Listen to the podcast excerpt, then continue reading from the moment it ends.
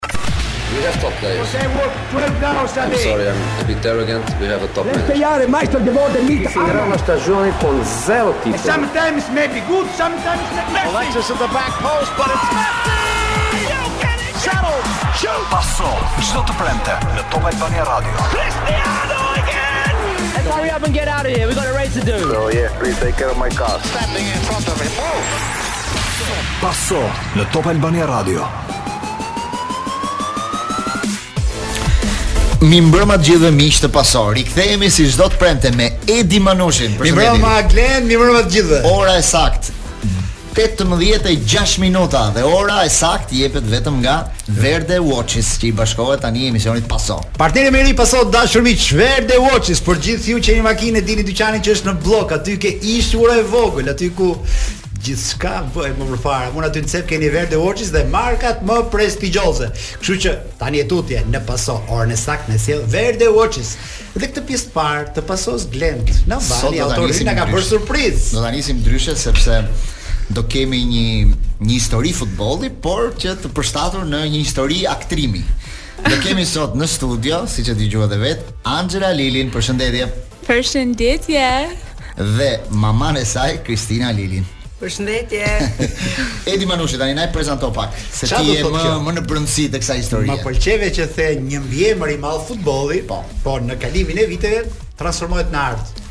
Angela është një mikesha jonë e vjetër në procesin sportiv para dy sezonit, një sezoni e gjysmë në mm -hmm. proces sportiv, na sjell regjizori i madh Edi Grishaj, po, duke na premtuar që kjo do luajë një rol Dhe kjo është një nga aktoret më të spikatura të filmit Sofia, që është tani në qarkullim nëpër mm -hmm. kinematë tona, që sot të prezantohet po në Kosovë, në... një film i suksesshëm me regjizorin Edi Grishaj, po, po, po. ku Angela është aktore. Mm -hmm. Si ndihesh ti Angela si aktore? Jam mirë, gjithçka mirë, faleminderit. Po zot, vjen keq. Dikur flisje në anglisht, tani ka më shumë shqipe. Një hap i madh përpara. Duhet të themi një gjë, që Angela është mbesa e Skënder Halilit, po. Po. një figurë shumë e rëndësishme e sportit të Tiranës, por edhe të gjithë Shqipërisë. Kështu që ka dhe një lidhje të fortë me sportin, jo vetëm për aktrimin. Hmm. Këtë duhet ta themi apo jo? Po, shumë po. shumë e vërtetë. Mm -hmm. Shumë e vërtetë. Dhe është shumë krenare se është mbesa e Skënder Halilit. Kështu që tani kënaqen gjithë tifozët e Skënder Halilit. Po. Është realisht i madh Skënder Halili. Angela, që nga koha kur ti ke qenë ftuar proces sportiv, ti na ke folur për projektet e tua në Amerikë. Mm -hmm. Dhe ky i filmit Sofia ishte një lloj kulmi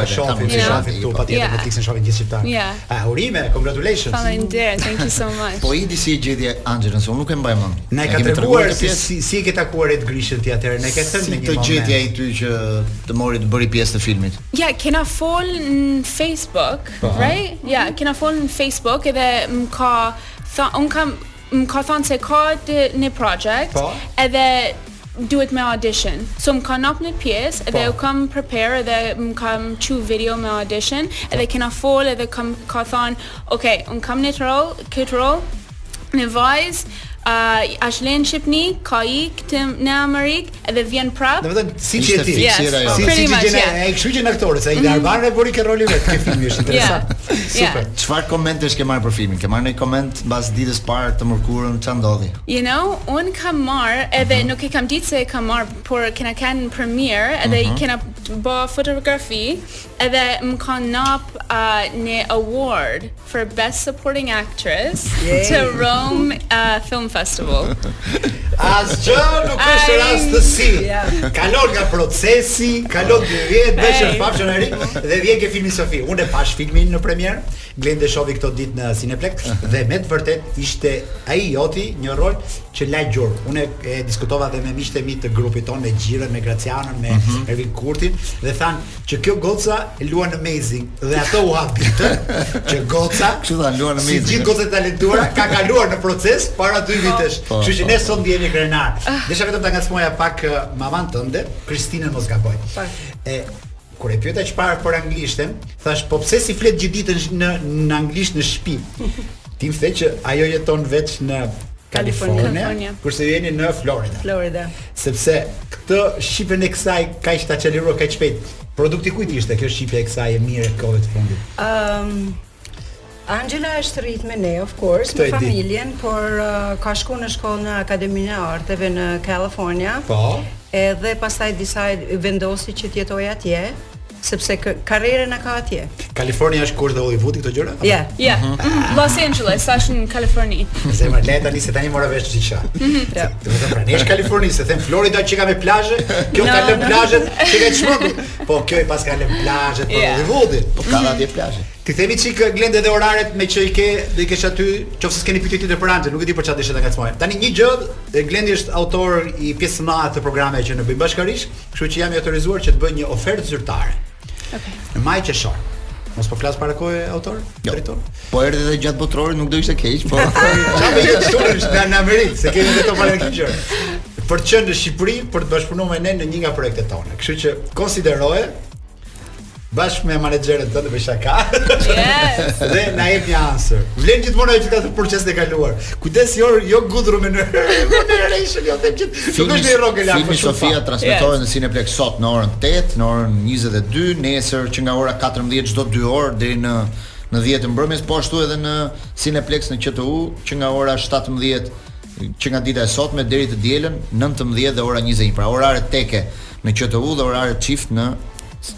në tek, në Cineplex gjithmonë. Kështu që mund ta keni mundësi për ta ndjekur, mund ta, parë filmin. Për të gjithë ata që nuk kanë mundur ta shohin gjatë këtyre dy ditëve. Do na tregosh pak si qe kjo eksperienca e këtij filmi Sofi në Shqipëri unë të pashë duke hyrë ke apartamenti të këtë të këtë që e jepshe me qera ishe një menaxhere imobiliare yes, really kërë që po të shohin këtë Shqipëri e për la një dhe e dyta po të vrap nga liqeni kush ishte më e vështirë nga pjesët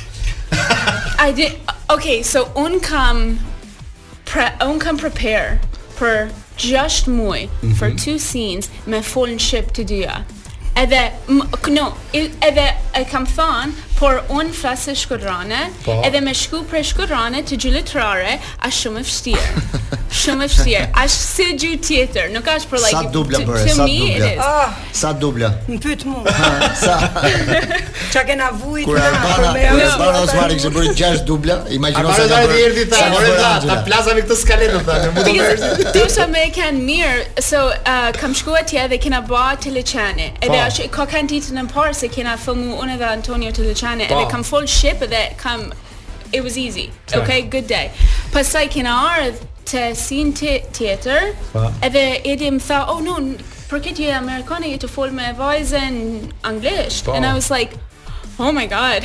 Nuk jam prepared for this. And po, I Po, fakti që dialogun se ishte një e huaj që merrte shpinë me qira, kjo ah. serbja që do të shohësh filmin pa s'po tregom shumë, me cilën e fliste anglisht. Yeah, edhe pastaj um kam ka, so unë flas anglisht and then me ban anglisht më ka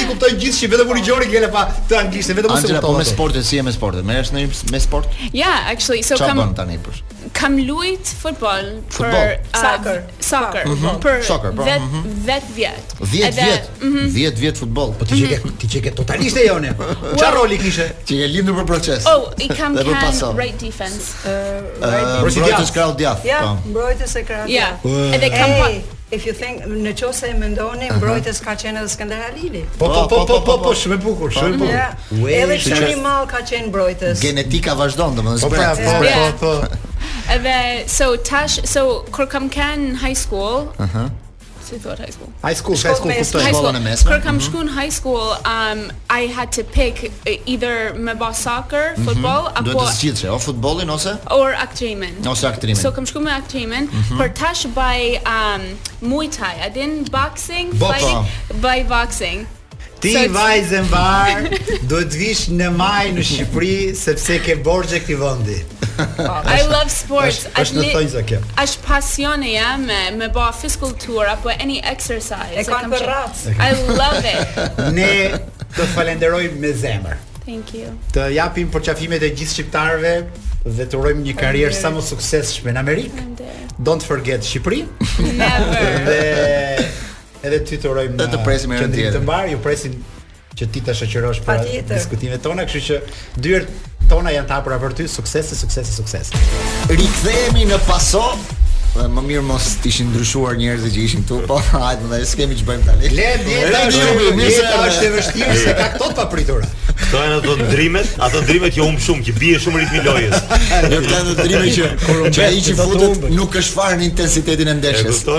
Po edhe ata kur janë kur do të humbësh.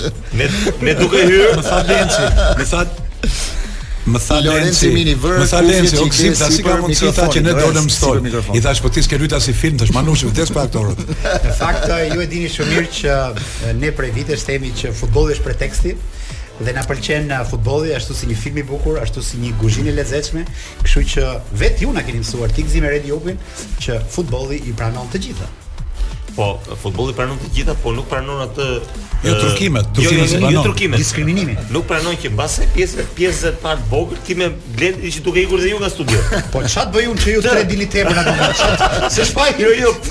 Pse çe jo. po po kishte tjerë t'ikni dhe ju. Po ti ke vënë në shal. Hajde. Angela. Po Angela kishte një lidhje shumë të fortë me sportin. Po, përveç se ishte mbesa e e Skënder Halilit.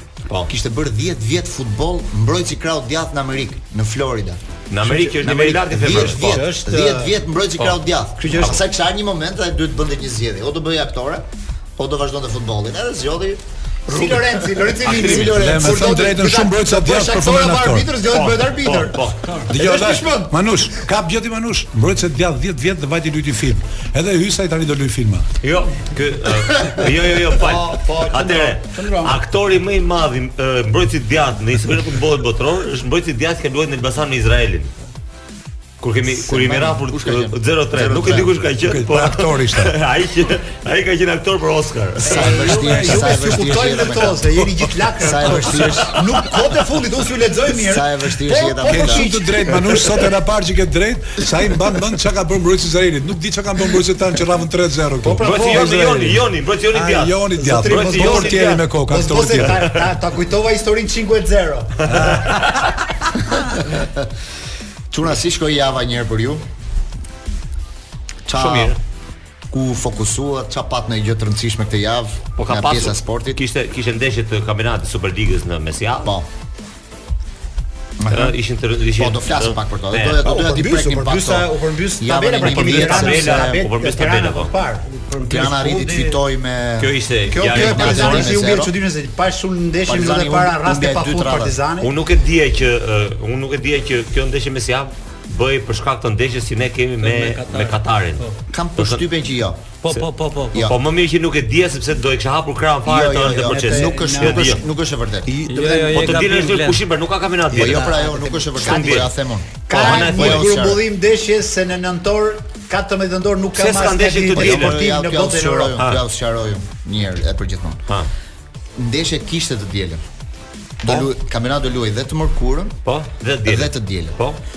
Po duke parë ndeshjen e Katarit dhe si ndikoi ndeshja e Arabisë në kampionat Aha. dhe ankesat që patën klubet që disa klube ndoshta e ndjenë veten Po pra, më pak të favorizuar, duke qenë se disave iu morën lojtarët, disave jo. Po pra, ata vendosën që po. këtë fundjavë po. ta linin bosh. Çfarë po na thua më? Po çfarë tha Redi, këtë thë. Po çfarë po na thua? Po këtë po thashë. Të njëjtën gjë. Nuk po luajmë shtunë e diel për po, për ndeshjen me Katarin. Jo, po u anullua tani, nuk është se ishte Juve. Po çon si ka marrë produkti final të shkruar. Bon paraja që vjen në futboll.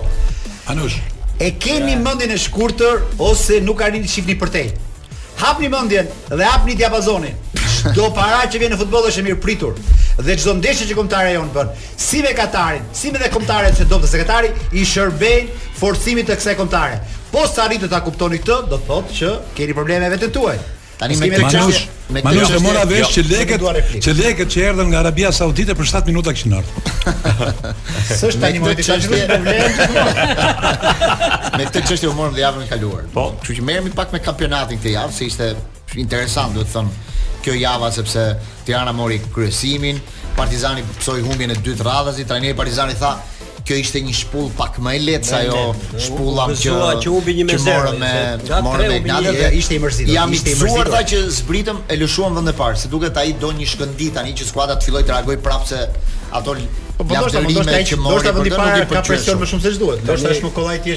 Të të ndjekësh këto intervistat që jep ky trajneri i Partizanit janë shumë të rralla për për realitetin shqiptar. Mua ka filluar të më pëlqejë. Jo, edhe mua më pëlqen shumë. Sa jep material. Po jo, ka dhe një lloj, ka dhe një lloj realizmi. Janë të sinqerta po, ka realizëm. Janë të rralla, se nuk jepen intervista të tilla. Edhe mua më pëlqen ai. Një trajner del dhe thotë që do fitoj me Partizanin, tjetri thotë humba po luajta më mirë se Tirana. E me radhë më. Ky thotë që ky e pranon. Ky thotë më mirë të mos jemi vend parë. Po meqë hapi këtë temë Rençi. Më mirë thotë që humbëm në Laç, po humbëm me një si shpullë lehtë, tha me një gol se luajtëm futboll. Do të thënë ke dëgjuar trajner shqiptar ti je shumë i informuar. Po si ta mbaroj, ja ta mbaroj. Të lutem se ma kujtove një temë. E kujtoi ai për trajnerin shqiptar që tha para ndeshjes që unë do ta mund Partizanin. Edhe flitet për Shpëtim Duro. Shpëtim Duro javën e kaluar. Pse s'foli prapë këtë javë që unë do ta mund Tiranën? Do të thotë, se ti fole atë natë se diç kishin bër. Ne na erdh një magjistar, tha ky di, ky di ndeshjet pa u bër akoma. Sa si do um se. Na tregon sa do dalim të gjithë kampionatin çfarë vendi do zëm. Ja, mirë. Ose do flasësh çdo javë, ose nuk mund ta dish vetëm një ndeshje. Kemi deklaratën e Duros që unë që unë njoh Partizanin dhe kur nuk flet do të do mundet. Gajë. Probabiliteti që një trajner ta gjejë rezultatin e ndeshjes Të luash 33%. Të luash me ekipin që kryeson kampionatin. Të jesh trajner që sapo je caktuar, e thosh do rraf Partizanin.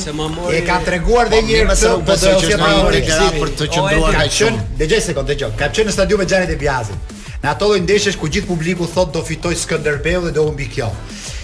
Të gjithë aty, edhe në tribunë qendrore vip ke ish stadiumi Qemal Stafa i vjetër dhe i thonin të gjithë, ç'është kjo ndeshje do fitojë ajo. I them në vesh unë atij, të gjithë publiku thotë do fitojë ajo. Tha nga eksperienca ime tha, po nuk i ra bilbili në minutën 90. Bilbilit unë s'e besoj këtë gjë. Do ti që qëlloi që nuk fitoi ajo skuadër, Skënderbeu dhe që aty të gjithë po ç'më turpëruat me De Biazin, më thatë para ndeshjes. Hiqni dorë në ndonjë rast. Po jo vetë shqiptarësh, po tani. Po çfarë? Po neve po vim në nivelin e modelit shqiptar. Këtë këtë ka jo. Po jo, jo. ne s'po dimë të shohim çik tash. Çfarë do të thuash? Ato dy gjëra thash se nisa të parën dhe nuk ma la Gëzimi, po nga që ja të dytën, thuaj të dyta është e para ishte që trajneri i Partizanit është më natyral se asnjë tjetër. Çfarë do të thuash? Po pra këtu Që thot gjëra, domethënë siç i shikon, siç i ndjen, siç i vjen. I drejtpërdrejtë siç e duam ne. Këto nuk, jo, po nuk i dëgjon këto. Nga trajneri jo, po, jo.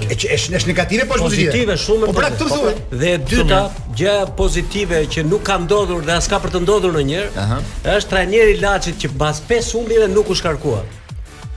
Rast i rrallë që jo në Shqipëri. Po sa këtë marrim më, mos e ka ikur gjithë. Tak, po, po mirë më ai pa trajner rri për atë. Po, po i ka ikur gjithë ai më. Ai kur rri kombëtarja pa trajner, çfarë do të thotë që është mirë.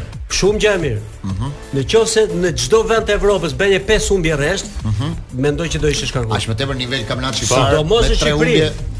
Në Shqipëri me sot Laçi arriti të fitojë këtë javë me Partizanin e i dha të drejtë. Dhe ka bërë tre rezultate radhazi fitore po, pozitive, do të thotë që në renditje ata janë larguar nga treshja e fundit tani dhe Laçi ndodhet në vendin e 6. Ta bëjmë një rezume të shkurtër përpara se të shkojmë në publicitet. Tirana kryeson me 21 pikë, Partizani 19 pikë zbret në vendin e dytë, Vllaznia fitoi me Kukësin, një me zero, po do merremi pak me këtë ndeshje Lorenc pak më vonë.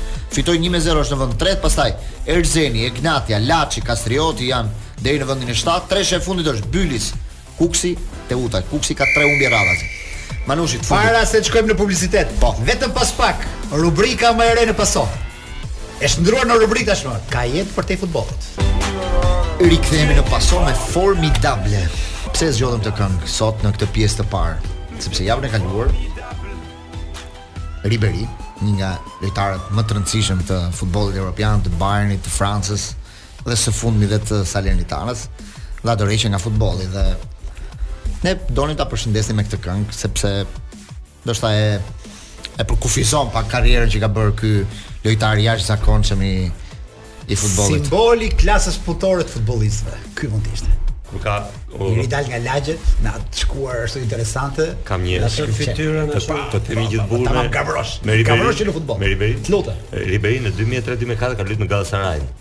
Mhm. Unë isha në Turqi atëherë me Diyarbakirsporin. Po, që luaje me skuadrën Po atëherë kisha ardhur i ri, domethënë nga nga skuadra e tij. Edhe ishte lojtar i panjohur në në arenën europiane, në Turqi nuk e njihnin fare. Turqit janë shumë lokalë, nuk nuk kanë informacion për lojtarët e huaj, domethënë, të paktën atëherë, atëherë. Do thon si janë si ne që jo, jo, fare fare fare. Ata i intereson vetëm liga, lokalist. super liga, lokaliste kështu. Edhe ky u fut pjesën e dytë. Në fakt nuk e njihnin, më thon. Interesante kjo. Neve na kishin dalë një lojtar me të kuqe që ishte, po themi, ky luante mesfushor i djathtë atëre, qe mesfushori jonë i majtë. Po. Qe 2-0 rezultati për neve dhe trajneri im atëre nuk e njihte fare kush ishte. Më tha mua gjitha. Ki parasysh ti këtu në qendër qe një Sabri lojtar i kombëtares turke, i dhe dhe një sy e ti ti u futa nidha.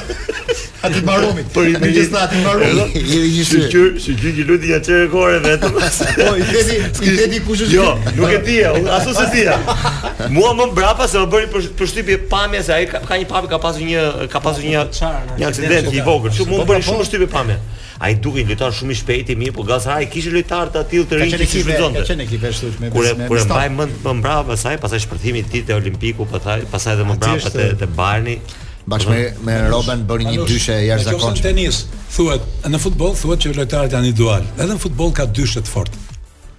Po. Dyshja Roben Ribery ka bërë spektakël të jashtëzakonshëm. E vërtet. Ai Bayern ka arritur kulmi i spektaklit i një binomi të jashtëzakonshëm. E vërtet lojtar. E vërtet çfarë, po ke krahët. Domethënë isha kurioz se kush ishte binomi po tani me Roben po. Qoftë se ky që dha Blendi tani Stromae ka përzierje të hip hopit dhe të soulit, se kështu njihet ky, edhe ata dy kishin përzierje stile shumë bukur. Golat e Robenit dhe aksionet e Riberis janë të paharrueshëm. Meqë jemi ke ke Franca, do më lejoni 2 minuta ta ndroj totalisht temën. Ishin dy shqiptarë në Nis. Në restorant. Në Nis. Në po. Nis. Në Nis. Edhe njëri prej tyre i thotë shokut të vet, mos fol fare se unë e njoh frëngjishtën në majë të gishtave dhe bëjmë porosi. Vjen kamarieri dhe ky i thotë,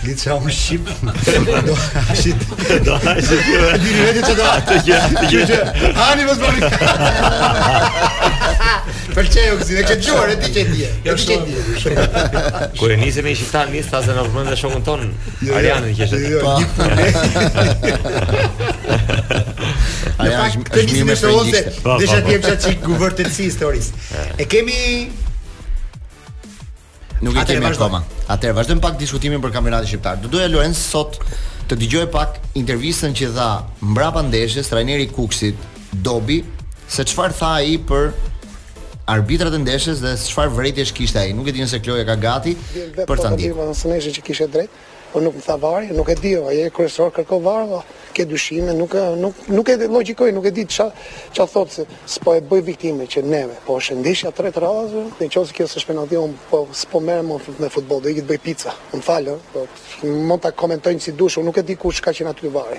Ka qenë ndonjë picajol? Më fal, ë, me gjithë respektin. Po s'e kuptoj, a je te VAR-i që ka ka humb ka humb pozicionin, ka fut komën mas komës, nuk e di unë ç'a duhet me duhet me e vra, duhet të shkojë në spital ai që të jetë Nuk ti, jo më shqimë, ok, fitoj pozicionin, nuk e di më dha, si, si, si, si, si, si kjo s'ka interpretim, edhe, e ka topin një lojtari im, ai fut komën mas, nuk e di, nuk, nuk e shof dot, e se më në sytë.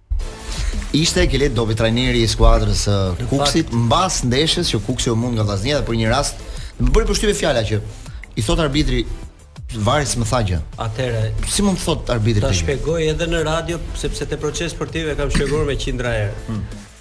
Vari, arbitri nuk e ndalon lojën në qoftë se nuk, nuk e thret vari. Që do të thotë Un dakord, më dakord, e kuptoj rregulloren, jo, po edhe, si ka mundsi një arbitër kryesor i thot atij, s'm tha gjë vari. Or ti ku i ke jo, syt që s'e shef vetë. Edhe një herë, tani un këtë atë ja ta ja ta them edhe një herë. Arbitri kryesor, hmm. edhe në qoftë se është penalti dhe nuk e ka dhënë, Ai vazhdon lojën për sa kohë nuk e thret vari dhe t'i thotë. Po, kam një pyetje. Hajde, shikoje sepse është penallti. Më thjesht, më thjesht pak. Nuk e thret arbitri vari, vari thret arbitrin dhe kaq. Arbitri. Dobi ka shumë të drejtë në të gjitha ato që thotë, në të gjitha ato që thotë. A mund të kem një pyetje? Por këtu arbitri ka një faj, vari ka pesë faje. Pesë, domethënë është, po, pra, po themi Në qoftë se do të marrësh notën e fajit. Sepse arbitri ka faj që s'e pa një herë, që është në në nxehtësi dhe në lojë, kurse ata nuk e konstatojnë. E kanë faj të të të certifikuar të vulosur. Kam një pyetje. Mbaroj. Kush është autoriteti më i rëndësishëm i ndeshjes? Arbitri i varit apo arbitri i fushës? Arbitri i fushës. Arbitri i fushës. Atëherë, një arbitër fushe ka një moment të dyshimtë. Po.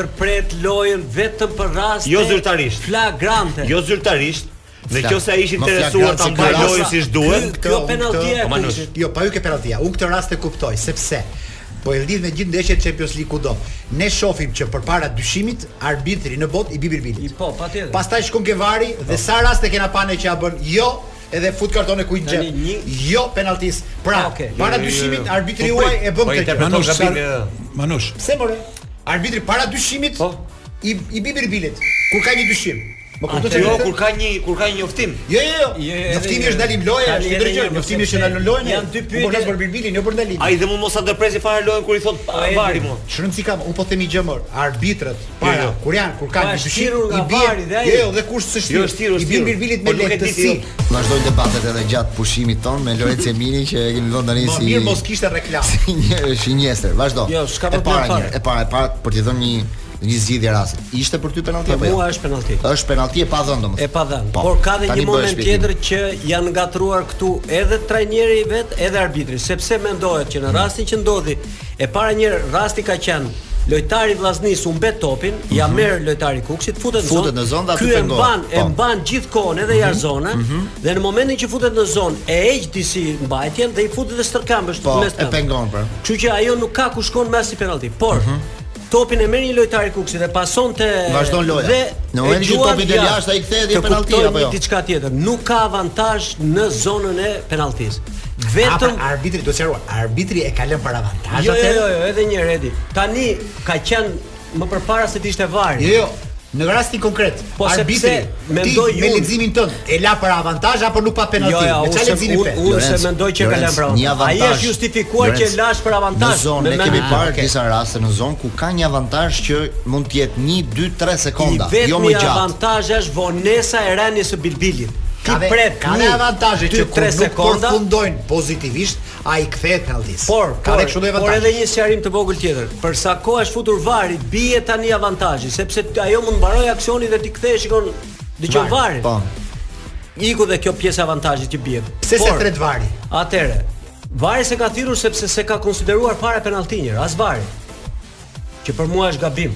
Ai është rast super i diskutueshëm, edhe nëse qoftë gabimi, nëse është më i rëndi këtu është te vari. Po vari pra, në rast po, patjetër, patjetër. Shiko, Edi, dhe intervista e trajnerit Dobi më shumë etiketon varin, sepse arbitri e ka bërë një mea kulpa. Por dëgjojmë intervistën do doja një koment nga po, Gzimi. Po, i ka futur një mea kulpa për pasi ka mbaruar ndeshjen ja ta mbaroj. Jo, I ka thënë që ka një problem shumë të madh kjo historia e këtij rasti.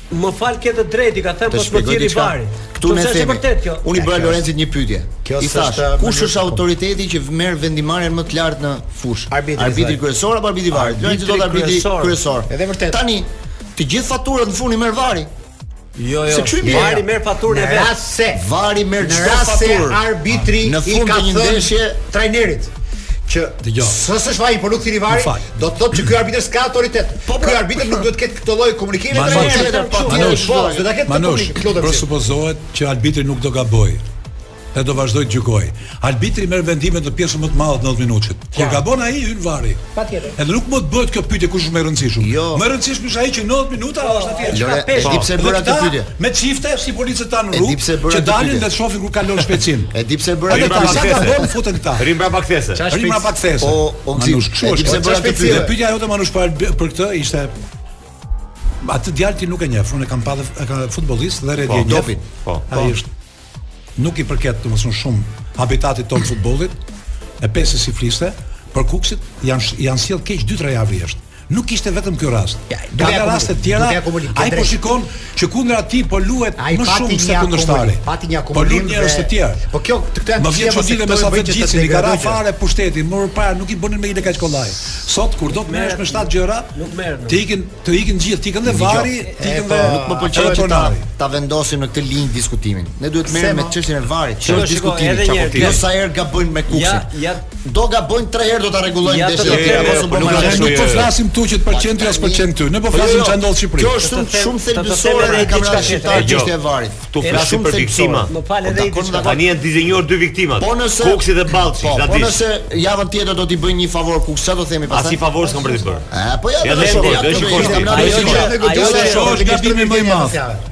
Se jo, ne do të merremi me fenomenin e kemi përgjithësuar. Ne duhet të merremi në këtë rast me fenomenin VAR. Shiko, shiko.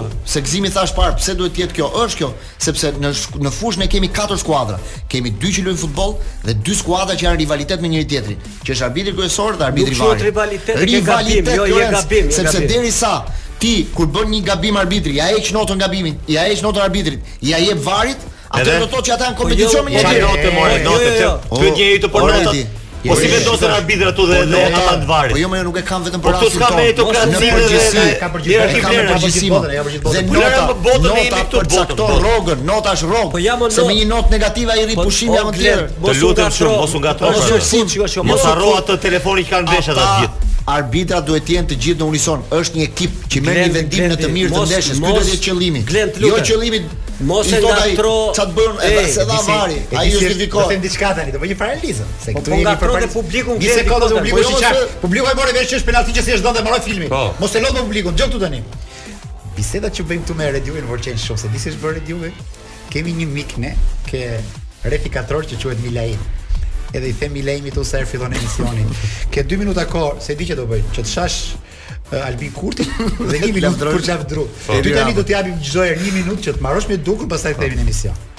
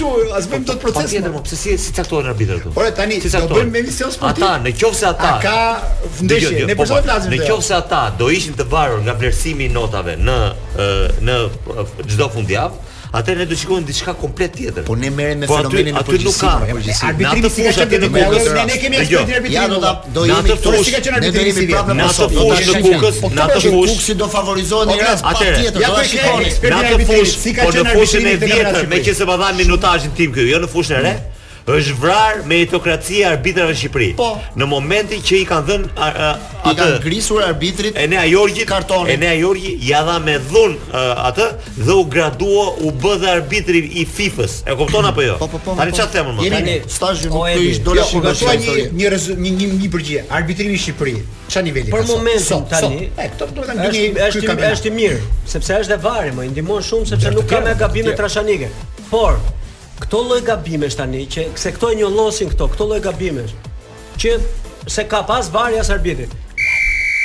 Por që ta mbyll Glend që mos Mbylle. se duhet të, të jemi shumë të Që qartë të në rikthehemi pjesa. në disa çështje më të rëndësishme në pjesën e dytë. Arbitri, sidomos në të tilla raste që ka dyshime që është penallti, duhet ta japë penallti. Po.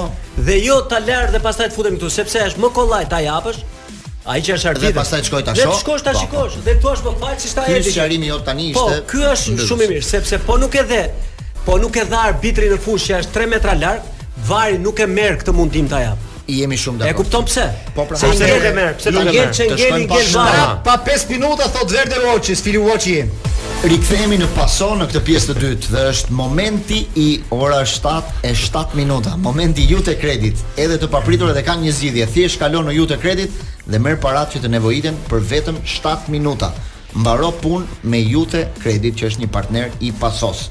Iute Kredit është një institucion financiar, pjesë e grupit me origjinë estoneze Iute Kredit Group.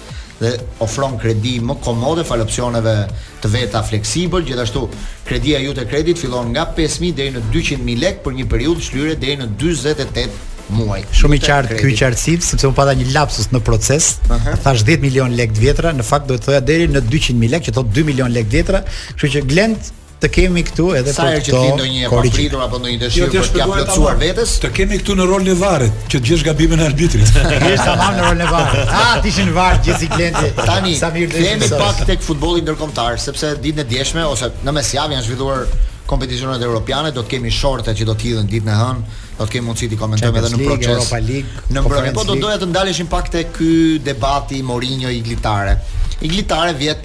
kur Roma fitoi Conference League-ën, tha që Conference League është një kompeticion për humbësit, domethënë po. ose më mirë për ato kompeticioni më i vogël europian për të ulur pak uh, vlerat e Romës në atë fitore që bëri në në Tiranë. Ndërkohë këtë vit Lazio nuk arriti të të kualifikohej, të vazhdonte më tej në në Europa League dhe përfundoi në kualifikim dramatik dje. Conference League doli e treta, doli e treta dhe shkon në Në cilën katër skuadra që me 8 pikë po. dhe edhe para syve golavarazh, Lazio doli e treta. Mourinho është rikthyer sepse po. gjithmonë ai mban mend to po. ngacmimet edhe thot tani Tares ky kompeticion tha nuk do t'i pëlqej shumë. Po. Por ata tha janë favorit për ta fituar atë kompeticion. Bëri një ngacmim në distancë. Megjithatë unë një korrigjim mund t'i bëj Glentit, po. se zakonisht është i saktë. Po tamam tamam ai tha që në Tiranë po bëhet një kompeticion humbësish tha, po ama është qytet fituesish.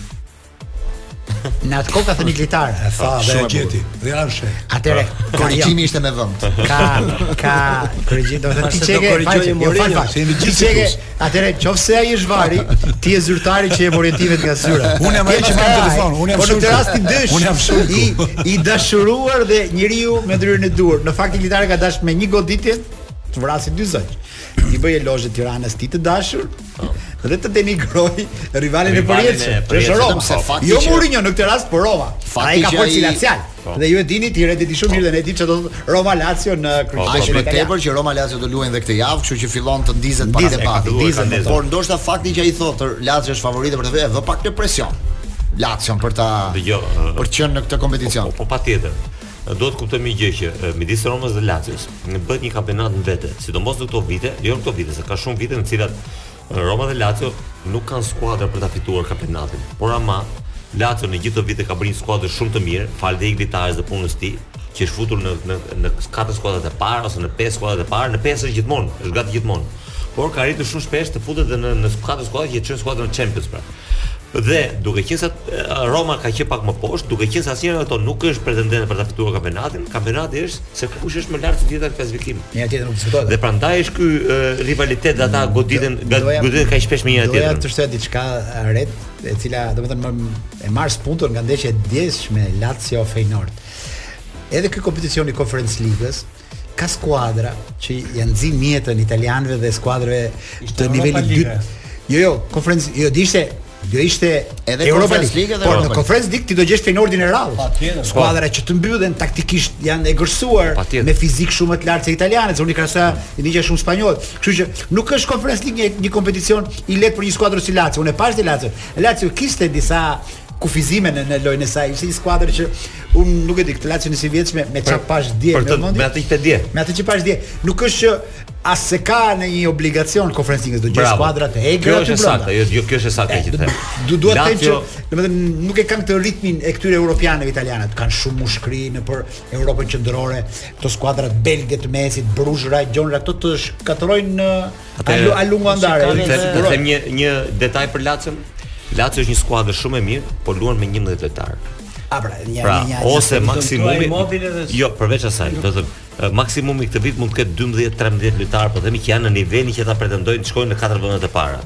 Dhe ata nuk po them që do të heqin dorë vetë vullnetarisht, por ama kanë një ritëm tjetër sepse janë shumë më të impenjuar në kampionat nuk kanë skuadër për të luajtur të dy kompeticionet. Këtu pra, këtu është kurse Roma ka skuadër, jo më të mirë se Lazio skuadrën e parë, por ama e ka më të thellë skuadër për të luajtur të dy kompeticionet. Vlera e shtuar e Mourinhos në Conference League, një trajner si Mourinho merr vlerë se ka një qendër mbrojtës me ngjyrë gjysmë britanik, që e po. ka aty për 10 minutat e fundit, se aty luhet.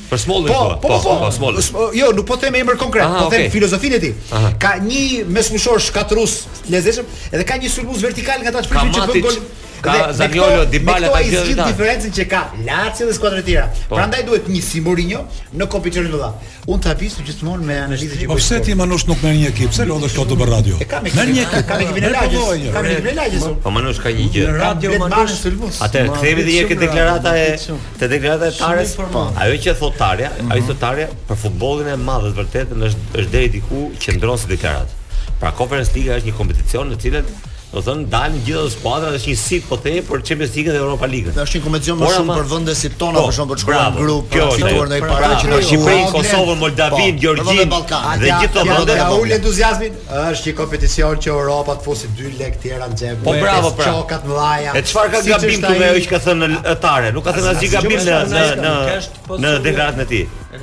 Jo, pra qendron. Te më është ngacmim. Ai e ka bërë se ti nuk mund të thuash një është një kompeticion që kur u bë finalja në Tiranë,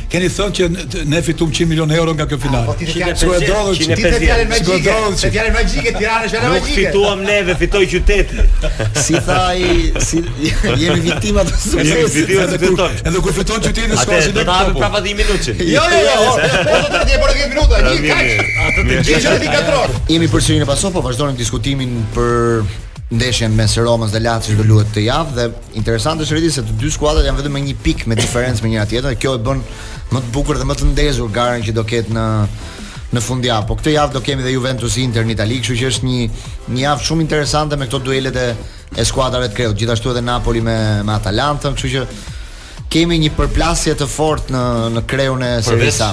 Përveç po themi mbështetjes për për Bashkëpatriotin tonë, po themi Iglin, dhe për punën shumë të mirë që bën atje.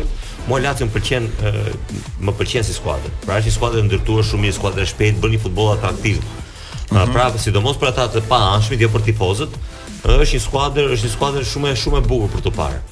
Roma ka një përmirësim të ndjeshëm mm -hmm. në mhm. lojën e saj, por ama në ndeshje të rëndësishme, në ndeshje të rëndësishme, Mourinho luan, Mourinho bën gjithmonë Mourinho. Unë këtë e di se ka frikë kam Dhe sepse Mourinho di t'i përgatisë shumë mirë ndeshjet teke dhe t'i luajë në raport me kundërshtarin. Pra është një gjë që Sari nuk e ka. Qartë. Sari ndërton një kampionat më të mirë, e ndërton një skuadër më atraktive, po them, por në ndeshjet teke, kështu që e, pra mua më pëlqen e, Lazio, por kam frikë se do fitojë Roma në në në këtë në në këtë përballje të në të fundjavës. Javës, derbi i madh i Romës. Merrni pak me Rastin më të përfolur të kësaj jave, këtë dorëheqjen e Pikes. Nuk e di ju kapi pak në befasi siç ndodhi në gjithë Spanjën. Ky largimi i Pikes ai ka bërë ditur në rrjetet sociale dje me nëpërmjet një videoje prej 2 minutash që të shtunën do luajë ndeshjen e fundit me Barcelonën në Camp Nou. dhe në moshën 35 vjeçare në mes të sezonit. Po pra, para botërorit ai vendos që Po për botërorin pra puna i ka kohë ka hequr dorë nga të largohet nga të largohet futbolli. Të largohet nga spanjolle ka kohë. Manush, kam dëgjuar 3-4 lloj arsyesh pse largohet Pike, por vetëm një arsye shqiptare është e çuditshme, tha njëri. Ja tha, u nda me grun tha, tani ik u nda dhe me futbollin këtu. Siç e kemi ne, që quajmë rast kapital, divorcin. Jo, në fakt, mos harrojmë që të gjitha nga futbollistët e Barcelonës ka qenë njeriu më afër politikës. Të gjitha nga pak i i ka ky personazh. Ky nuk ka arsye që thotë tani që lash futbollin, do me familjen, se ky ai ja në fund të në fund të kësaj deklarate për cilën thotë Blendi. Ai një për së pari një shumë interesant se ka zgjedhur të komunikojë me njerëzit nëpërmjet rrjeteve sociale, donte t'ia hiqte klubit kënaqësinë që ta bënte këtë ikje në mënyrë pompoze ke tribuna e klubit dhe jepte atje konferencë shtypi. I tha klubit ti s'ke lidhje me këtë vendimin tim. Pra bën një komunikim drejtpërdrejt Fiton pikë dhe me këtë mënyrë të komunikimit vetë me tifozët. Sot në komente të shumta që diskutoheshin që ke vërshëllimat, që ke goli, pra Interi e mori qafë, ke vërshëllimat që, që ke ai goli që pësoi me, me Interin, ku nuk, po, u këthy siç duhet me... Goli i Barellës. Goli i Barellës, aty mori fund kërëti, sepse dëgjoi vërshëllima dhe nuk i gëlltiste dot në Camp Nou. Ka një version të fundit, që është shumë interesant. Në parlamentin spanjoll dje, u aprovua një ligj. Dhe ligji mbante emrin ligji Pike. Pike ka një kompani që quhet Cosmos, e cila mm. shiste të drejtat televizive në Arabi Saudite, të kampionatit mm -hmm. spanjoll. Po. Dhe ky ligj thoshte që asnjë futbollist aktiv nuk ka të drejtë të ketë aktivitet Po. privat në këtë kuadër. Parlamenti spanjoll e rrëzoi, domethënë e aprovoi këtë ligj, pra asnjë futbollist nuk ka të drejtë të bëjë këtë gjë, por në rast se ti do të bësh biznes, lë futbollin, var këpucët dhe thotë tani unë bëj biznes. Po ti na le për një. Jo, jo. E ata në fakt, jo, jo, nuk e lidhin shumë me këtë, se mendonin që tjetër. Pike nuk do jepte, nuk do ikte kollaj nga Barcelona sepse është më i paguar. Mos harroni sepse ai do të lërë edhe një emër të mirë tek skuadra sepse Pikeja lidhet me dy sukseset që ka Spanja në futboll në gjithë këtë 100 vjeçar. Po. Kampionati Evropian, Evropiani dhe tre Champions League-at e Barcelonës, Barcelona më e mirë e gjitha kohërave. Kështu që do donte të linte edhe në memorien e njerëzve një Ide si kjo, se ishte më i paguar, i merrte 30 po, milion po, kur në sezon, o, një mbrojtës që nuk nuk është një pagesë. Po, kur por ai i lidhur me biznesin dhe në fund të tha, do shihemi shumë shpejt dhe vështrimi i tij ishte ke palko presidencial, ke tribuna VIP. Pra flitet që ai do jetë te entourazhi i Barcelonës, mund të jetë president. Njerëzit që njohin ju thonë, mbas disa vitesh ky zotëri do e bëjë çmosin për t'u kthyer president i Barcelonës, ëndërr e gjyshit të tij që nuk realizoi dot. Ai me familjen e tij ka katër vende në Camp Nou të blera prej 80 vitesh. Pronë e familjes së vet po. katër vende. Kështu që ai është katalan më shumë se katalan. Kjo që do të thotë dhe hapin e politikës e ka gati sepse edhe këta katalanët që tha merrte po. pjesë në votime gjithë ishte. Ishte nga Tani kjo është një panoramë. Ka një teori sportive. Pike prej disa vitesh ka një kontratë me Barcelonën që rinovohet automatikisht nëse ai luan 35% të ndeshjeve. Pra çdo vit që ai do luajë 35% të ndeshjeve, automatikisht rinovohet kontrata edhe për vitin tjetër. Këtë vit në bazë të aktivizimeve që ka bërë Xavi, ai nuk ka shkuar as, duhet të jenë 45 minuta, do të jetë 45 minuta. Do të jetë 45 minuta, nuk ka shkuar as te 30% Kështu që në fund të sezonit Si puna e Griezmann. Automatikisht ai do mbetej jashtë, gjë që po. nuk do ta donte ai në këtë moment. Ai do donte të ikte si triumfator në këtë histori. Pra. Ai është rënë gjë që është rënë shumë i zgjuar. Tani, çështja është pyetja është Barcelona në këtë histori është e kënaqur apo jo? pyetja shumë e madhe. Presidenti po është i kënaqur. Ka që thonë që është i kënaqur presidenti sepse heq një rrogë shumë të rëndësishme. dhe Barcelona ka një alternativë shumë të fortë për e, ardhjen në janar që është mbrojtësi i Atletikos Bilbaos uh, Iñigo Martinez që është po, pjesë pjesë e kombëtares spanjolle, kështu që ai mund të vijë tani në oh. liron një liron një hapësirë shumë të madhe për sa i përket rrogës që po, ata mund të bëjnë një gjë. Edhe një gjë të fundit fare sot nga 50 kopertina gazetash në botë mbi 75% e tyre kishin fotografinë e Piques. për të treguar forcën si mediatike po, që po. ka personazhi. Po. Jo, jo. Dhe mendoj që kush e ka këshilluar për këtë vendim tani, ia ka rrit vlerën uh, individuale atij. Po, vetëm se Piqueja është për të për t'u habitur sepse mund të kishte zgjedhur dhe rrugën e 10 milionë dollarëve akoma për një 3-4 vjet. S'është rasti. Ai ka bërë një premtim jo, që përveç po, Barcelonës nuk do luajë me asnjë skuadër tjetër. Pra, ja, ka bërë premtim. Ka histori të tjera ai se. Lojtarët fillojnë luajnë deri në 40 vjeç Dhe i ke akoma në kurse ky 35 vjet. Gjithsesi atë shkakun e vërtetë po, edhe nuk e marrin. Po Manush i bie tjetër një strategji shumë e gjatë. Mori shumë vëmendje me Shakirën, më po. shumë vëmendje tani, ai domethënë ngjitet gjithë gjithmonë. Edhe kur s'është më në kulmin e formës, ai e kap skenën prapë. Njerëz që një film mirë entourazhin e Barcelonës thonë që ky ka muaj që studion.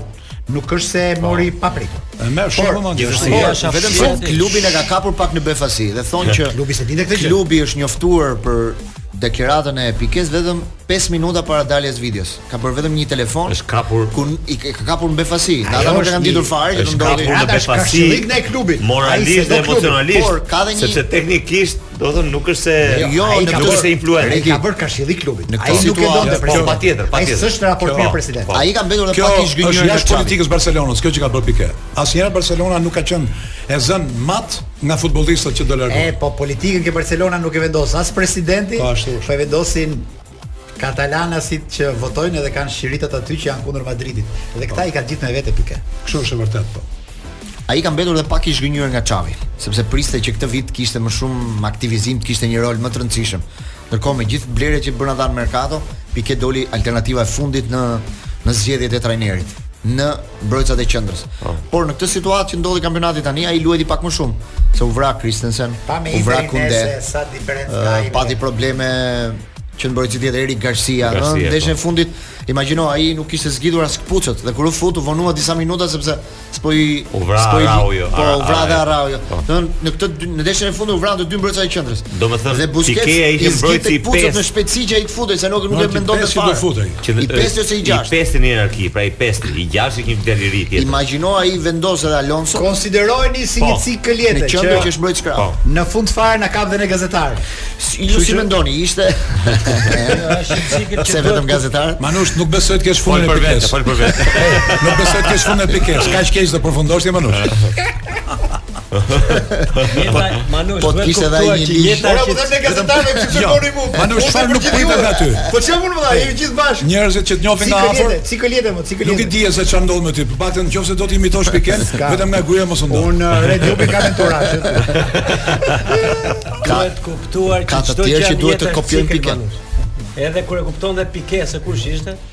apo Pike. Siç ishte ajo tema, mund ta mbyllim. Duhet kuptuar një gjë që pse ju mendoni që s'kishte s'kishte çfarë tjetër më. Sa do shërbente. Atë ka bënë apo bëj shumë mirë Dinamos të shumë korave. Hmm. Ja ku e ka pyetjen drejtpërdrejt me këtë. Momenti i përshtatshëm për një njeri të lërë futbollin. Nuk po them për moshë, sepse ajo është edhe unë kshu e lashë si si Pike. Shef është stil pra, është stil, është një mënyrë. Është njësoj. Pra unë pra. isha në mes të sezonit, sa qe filluar sezoni faza përgatitore. Ja ku e kemi top selon. Sapo filloi kampionati? Po thon ishte ka qenë Agim Canaj trajner atëherë. Nuk e di kush ishte, ka qenë po Besnik Sulaj ka qenë president. Domethënë isha në Po ti bëre një vit trajner lojtar, një diçka, bëre një. Pas asaj, unë u riktheva, bëra operacion, u riktheva në fushë pastaj për të, po bëja fazën përgatitore dhe bëra fillimin e kampionatit, po themi që të filloja lojën. Po, bëra një ndeshje përgatitore, po themi stërvitore aty dhe ndjeva dhimbje në kavilje. Komunikova me doktorin,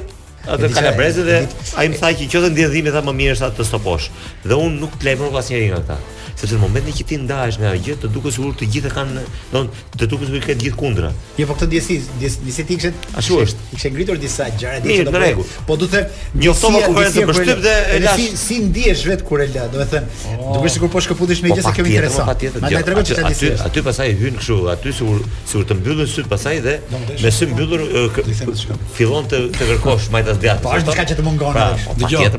Në studio kemi dy shembuj. Nëse kjo ka shumë bukur, hera e parë që tregon Redi, jo ka si.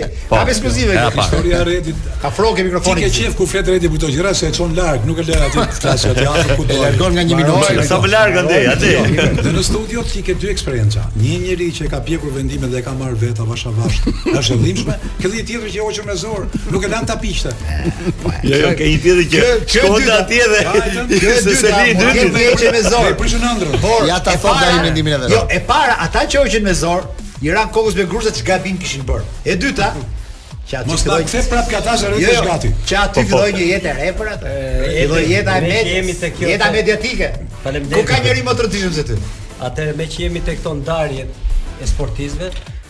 Një burrë i zgjuar ka thënë për sportistët që për sport me sportistët në fund të karrierës duhet të sillemi shumë shumë ndryshe nga njerëzit e thjeshtë, sepse sportisti vdes dy herë, nëse njerëzit vdesin një herë, sportisti vdes dy herë, një herë natyrshëm mm, edhe një herë kur një herë kur lë kur lë sportin. Duhet trajtuar me shumë me shumë në botë marrin psikolog. Po. Patjetër po. lënia e sportit. Po shumë e rëndësishme. Sepse shumë sportistë kalojnë nëpër faza të të, të vështira të jetës.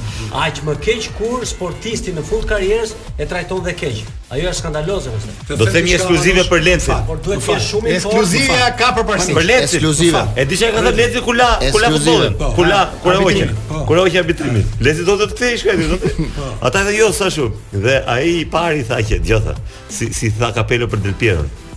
Del Piero nuk kupton, po një ditë do më falënderojë.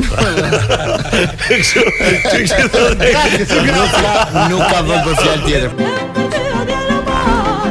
Rikthehemi tani mbas Moj e bukura More një këngë arbëreshe zgjedhur për rubrikën Je i lashtë o Manush.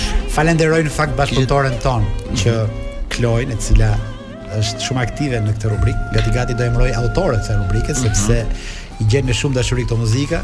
dhe na solli një këngë arbreshe për të vendosur paqe, harmoni në këtë tryezë të nakatosur sot të Pasojës.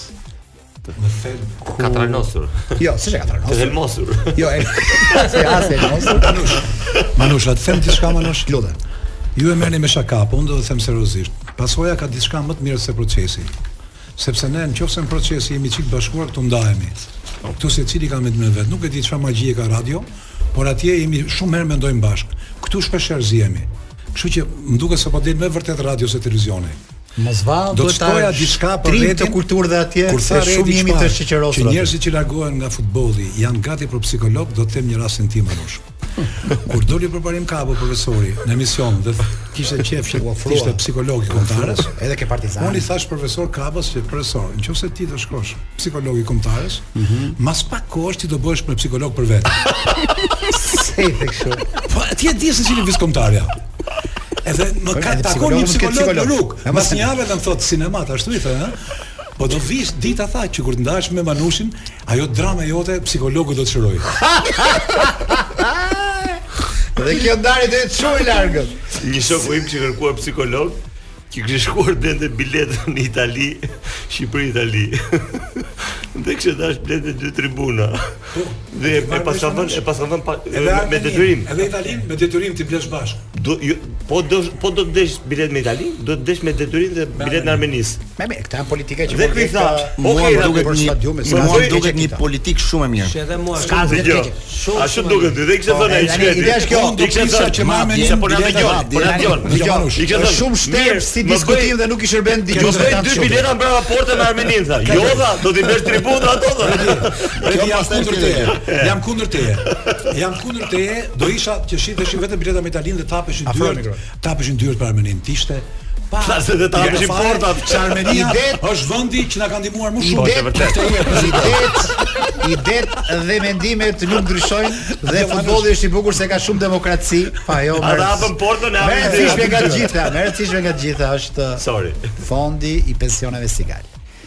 Është një informacion që ne ju japim të dashur miq, ju e dini që që në momentin e punës së parë ju mund të tregoheni të zgjuar dhe të çoni mënjanë 10000 lekë të vjetra në muaj. Mendoni për këtë fond sepse pa e menduar dhe pa e kuptuar vjen shpejt dita e pensionit. Dhe fondi i pensionit Sigal sjell edhe avantazhe të tjera. Lorenc Jemini. Anëtarësimi në fondin e pensionit Sigal ka dhe disa përfitime të tjera Manush. 30% zbritje për shërbimet mjekësore në spitalet dhe klinikat e rrjetit Sigal. pesëdhjetë për qind zbritje në fizioterapi në klubin e shëndetit Sigal, njëzet e pesë për qind ulje në sigurimin e pasurisë dhe apartamentit dhe pesëmbëdhjetë për qind ulje në sigurimin e automjetit Kasko. Një gjë është e sigurt. Në fondin e pensioneve Sigal, paratë tuaja flenë të qeta. Dhe domethënë shumohen qetësisht, mos e harroni. Kthehemi diskutimin e paso me Glen Albanin, Lorenc Jeminin, Redi Jupin.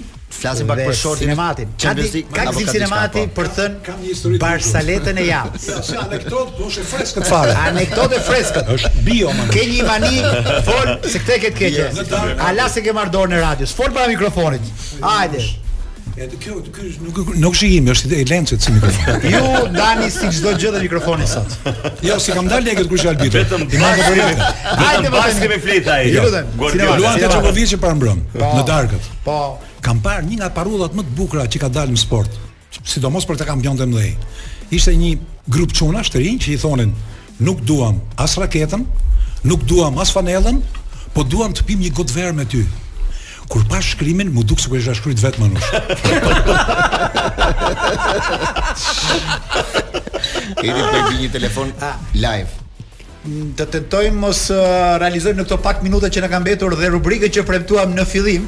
Po, Kështu që të tentojmë mos e bëjmë atë lidhje që u premtuam. Mos bëni lidhje tani në këto momente. Dashur miq. Ndërkohë, Redi, për sa i po. përket uh, shortit të Champions do të jetë të hënën, po janë përcaktuar tani dy grupet, në grupin e skuadrave fituese është Bayern, Benfica, Chelsea, Manchester City, Napoli, Porto, Real Madrid dhe Tottenham.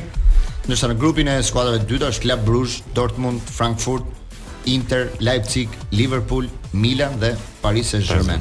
Domethënë fakti që Parisi doli në vendin e dytë e bën uh, shumë interesante këtë grup. Edi vazhdon të jam, telefonata jote. Jam i detyruar të përgjigjem.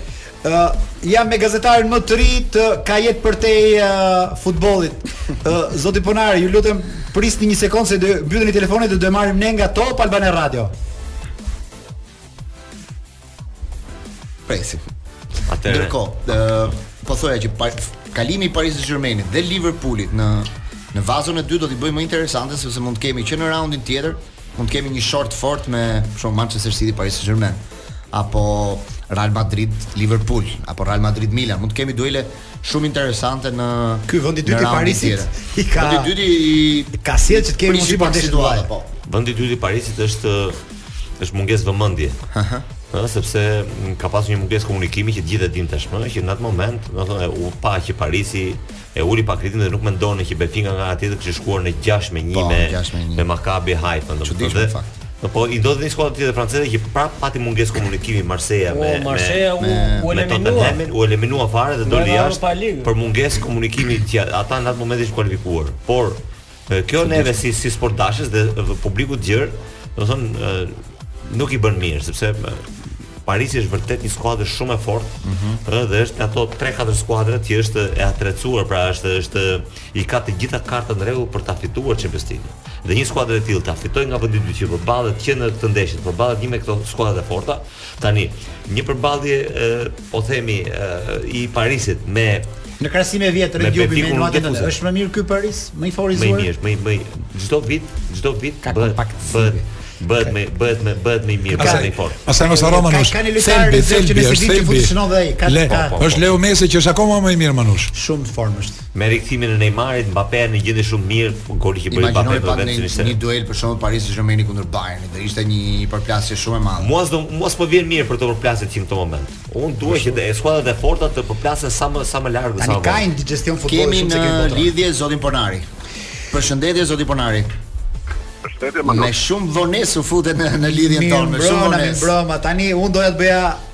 prezantimin zyrtar dhe të prezantoj njerëzit me profesionin tuaj të ri. Ju jeni një gazetar që i bashkëngjitet pasos, uroj që mos keni kërkesa si Gzim Qermati për punë rroge.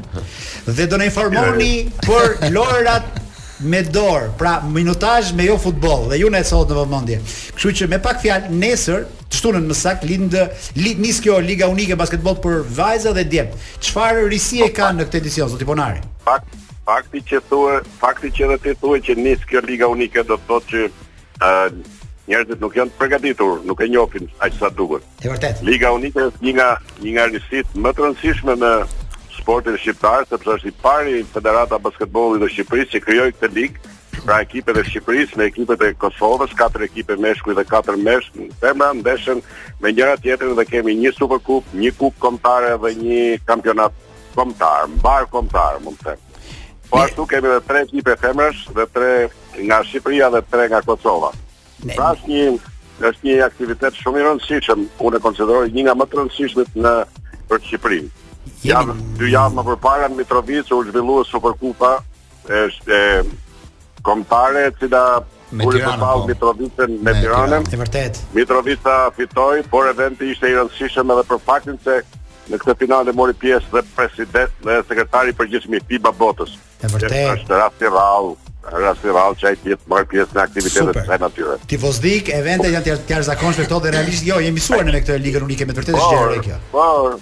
Ju e dini që me shumë vështirësi edhe televizioni televizionet shqiptare nuk e transmetuan ndërkohë që shtatë televizione të Kosovës e jepnin të gjitha drejtpërdrejt. Në Shqipëri me zor, me shumë ndërhyrje, Tani mos u ankoni zoti Ponari se ju keni partneritetin me Procesin Sportiv dhe na fal për mungesën e modestisë, por është tribuna e duhur për t'i dhënë jehonë këtyre lloj eventeve. Po, dhe ajo që duhet theksuar është që katër ekipet e meshkujve Katër ekipet e meshkujve këtë vit janë Tirana, është Apollonia që është ngjarje e rrallë, është Beslidhja e Lezhës, përsëri është ngjarje e rrallë që do të japi shumë fuqi dhe Kamza. Pra do ndeshen me katër ekipet e e Kosovës, e Republikës Kosovës. Është një, bëhet një aktivitet shumë i bukur dhe është shumë i ndjekur nga Super. Fillon te kufiri. Zoti Ponari, mund t'i jepni një sugjerim futbollit, si mund ta krijonte futbolli një ligën unike? Ke një ide? Futbollit, futbollit t'i them që ta bëjnë këtë, di që ndoshta ta dëshirën e kanë ta bëjnë, por Duke qenë se futbolli është një industri e madhe, ti na ke ti na ke thënë në studio ne para shumë vitesh që nëse do ketë një bashkim Shqipëria me Kosovën do i vijë nga sporti, kështu që kjo është rruga e duhur. Meqë të kemi në linjë drejtpërdrejt, a mund ta bëj edhe një pyetje tjetër që këtu nuk ka të bëjë me ekspertizën tënde të sportit, po me ekspertizën tënde në fushën e siguracioneve? Okej. Okay. Ju e dini, oh. domethënë ju jeni drejtuesi i Sigalit e dini shumë mirë, por ky muaj që sapo shkoi është muaji i e, masave parandaluese të kancerit të gjirit tek gratë. Dhe Sigal Uniqa dërguar një ambulancë lëvizëse në Orikum, që ishte shumë moderne dhe bënte disa ah. shërbime falas. Na thuaj diçka më shumë për këtë të lutem. Ë ah, klinika lëvizëse është një risi për kompaninë Sigal, ka filluar ka fillu prej 10 15 vitesh mm -hmm. dhe ka kaluar pothuajse në gjitha qytetet e Shqipërisë dhe kryesisht në qytetet e vogla nga Vermoshi, nga Valbona, në Konispol, në Ersekë, Korçë, Pothuajse në gjithë Shqipërinë, dhe këtë radhë ishim në Orikum, ishte një vërtet ishte një ngjarje shumë e rëndësishme për qytetarët e Orikumit dhe për popullsinë atje, sepse të ofrosh një, një ekip mjekësh 10 veta, të bëjnë kontrolle falas, disa lloj kontrollesh, duke filluar edhe nga ima, ato kontrolle imazherike, mm -hmm. ishte një risi shumë e rëndësishme që u vjen në ndihmë gjithë atyre banorëve. Aty e sheh që njerëzit kanë nevojë, kanë nevojë për shërbim ambulator dhe shërbim mjekësor, Sa më afër të qëndrosh aq më mirë është. Dhe ah. gjithë e gjithë kjo, e mm -hmm. gjithë kjo që ne bëjmë është që t'u themi njerëzve që është më mirë të parandalosh duke bërë një kontroll mjekësor, se sa ta kurosh sëmundjen. Pra, efektet parandaluese janë shumë të rëndësishme. Atëherë ne po në këtë kuadër do të thoja mhm. diçka më lart. Lutem. Është shumë e rëndësishme. Lutem. Ne kemi një produkt që është shumë i rëndësishëm, Jetë Plus. Po. Dhe ajo mbulon mbulon është një risi që e ka vetëm Sigali dhe është uh, mbulon sëmundjet e rënda duke filluar nga kanceri, transplanti, sëmundjet e kokës, sëmundjet e zemrës e tjerë, pra janë pesë sëmundjet më më të rrezikshme dhe më të më të shtrejta për të kuruar, të cilat ne me këtë lloj produkti ne i mbulojmë dhe kemi marrëveshje me spitalet me spitalet më të mira të Europës. Mm -hmm. Me tre opinione dhe pas tre opinioneve atëherë mund të drejtohet e gjen vetë klienti se cilin spital do të zgjedhë. Dhe kjo ka bërë që shumë veta të kurohen. Ne tani kishim një rast një punonjëse të Intesa Sanpaolo, si cilin e cila mori të gjitha shërbimet e duhura sot ajo është në gjendje të shkëlqyer sepse mjekët i kanë thënë që nuk ka asnjë lloj gjurmë dhe asnjë lloj shenje më. Uh, ajo që është e veçantë është sepse mbulimi është deri 1 milion euro. Pra do të thotë që çfarëdo që që të ndodhet në trupin e njeriu ajo bën. Dhe kosto e këtij e këtij produkti nuk është e madhe, është nga 250 deri në 300 euro në vit. Në vit. Pra gjithkush mund ta marrë. Mos harrojmë se në Shqipëri në Shqipëri ka çdo vit mbi 5000 raste të reja të sëmundjeve të rrezikshme. Na the Unë... një super informacion. Po, po. Unë do doja që njerëzit të, të drejtohen, të drejtohen sepse pas sëmundjes vijnë shumë veta, por pas identifikimit të sëmundjes ne nuk mund të ndihmojmë as nuk mund të shërbejmë askujt. Ajo është masive, mund ta blejë kushdo dhe mund të paraqitet kudo në të gjitha zyrat e Sigalit në gjithë Shqipërinë. Unë uroj që askush mos ketë sëmundje, por që ta parandalosh dhe të jesh i përgatitur financiarisht është shumë e rëndësishme. Financiarisht është shumë e rëndësishme sepse i shërben vetes i shërben shëndetit tonë. Zoti Ponari. Unë uroj që Jesh i dashur. Jo, të fal të falenderoj për këtë këshillë kaq të vyer që na dhe sot. Kështu që ne nga java në javë do kemi kontaktin me ju, nuk e di se do kjo se jeni profesionist tani, je një bashkëpunëtor, je gazetar gati gati. Po them, po unë unë them që ju do ju kjo kjo rrugë që keni nisur tashmë është shumë e rëndësishme sepse edhe ata njohësit e basketbollit do marrin Me siguri që janë janë do të donin që të informoheshin sa më shumë dhe të kishin sa më shumë informacione për basketbollin. Po dhe njerëzit janë pak të njohur me produktet e sigurimeve të cilat janë shumë të rëndësishme dhe shumë të domosdoshme. Të falenderoj. Prandaj do të thoja, do të thoja edhe, edhe një fjalë të fundit. Po. Sigurimet forcojnë dhe rrisin personalitetin e njerëzve. Ato e bëjnë njeriu të pavarur nga askush. Sa vetëm nga vetja e tyre. Asa i madhjet. Falenderoj zoti Fonari të, përqafojmë dhe të presim javën tjetër me tjera këshille. Edhe e kemi qytur ka jetë për te futbollit. Është interesante kjo. Unë uroj suksese. Shëndet mirupafshim. Jemi në pjesën tonë të fundit të, të Pasos në 2-3 minutat e fundit për të kujtuar pak edhe ndeshjet më kryesore që do kemi do kemi këtë javë, për shembull ndeshje shumë E rëndësishme do të jenë ditën e diel më të rëndësishmet, përveç Barcelonës Almeria që do të luhet të shtunën darkë, pra do të jetë kjo ndeshja e fundit e Pique. Do kemi në Angli ndeshje shumë interesisht të rëndësishme siç është Chelsea Arsenal, për shembull, derbi i Londrës të dielën në orën 1. Tan uh, ndeshje të Gjithashtu Tottenham do të luajë me Liverpoolin, dhe kjo një përballje shumë e fortë të dielën në orën 5 e gjysmë. Pastaj do të jenë ndeshjet e Serisë A Lazio me Romën dhe Juventusi me Interin po të dielën, ndërsa Reali Madrid do ta mbylli javën e saj në ditën e hënë me Rayo Vallecano që është një nga surprizat e kampionatit. Ka dhe shi, ka dhe shi në fundjavë, kështu që merrni telekomandat edhe. Dita dita e mirë për të parë sa më shumë. Dëgjoni dëgjoni në Albania te komenti i ndeshjes Barcelona, këtë marrësh.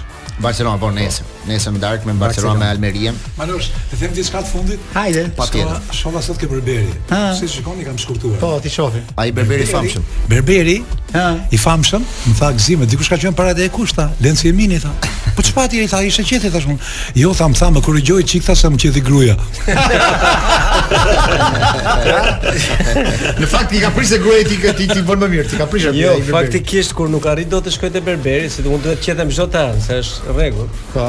Dhe më qeth, po atë ditë për shpejtësi më bëri një dy vijë. Kështu që vajta dhe u korrigjova, ka drejt Gëzim. Jeni Të vërtetë njëri atë më i ditë. bukur se tjetri. Çfarë do kemi te E diell këtë javë? E diell ka një super intervistë me Arbana Osmanin, intervistë e dhënë pas 9 muajsh fiks. Nga dita e mbylljes së Big Brother-it, ajo kthehet në Top Channel me një intervistë tek E diell dhe përgatitet për Big Brother-in e ri tjetër, event i madh në Top Channel.